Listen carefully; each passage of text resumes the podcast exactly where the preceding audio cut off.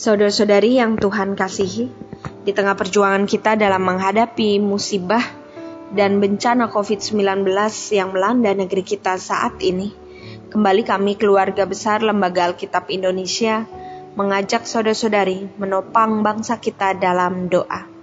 Mari kita bersatu dalam doa. Tuhan, terima kasih atas kehidupan yang Engkau berikan kepada kami anak-anakmu.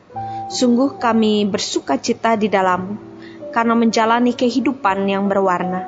Perpaduan antara senang dan sedih dapat membuat kami anak-anakmu mempelajari banyak hal dalam hidup ini, terkhusus di dalam kondisi pandemi COVID-19 saat ini.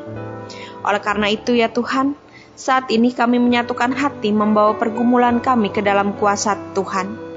Tuhan, saat ini kami sedang menghadapi masalah yang cukup rumit. Keluarga kami mengalami masalah ekonomi. Hutang menumpuk, usaha tidak lancar, sedangkan tanggungan keluarga terus meningkat.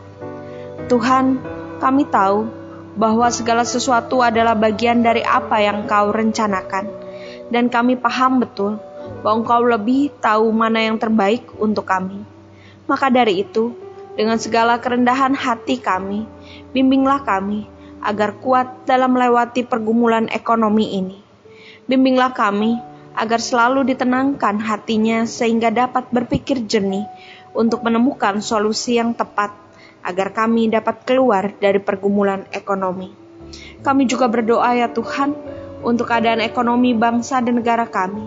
Biarlah Tuhan juga bimbing para pemimpin bangsa kami untuk dapat terus meminta hikmat yang hanya berasal dari Tuhan, dan segala keputusan yang diambil biarlah berasal dari Engkau saja, Tuhan, bukan dari kepentingan-kepentingan yang lain.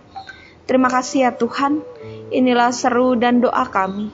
Di dalam belas kasihan putramu, Yesus Kristus, kami berdoa. Amin.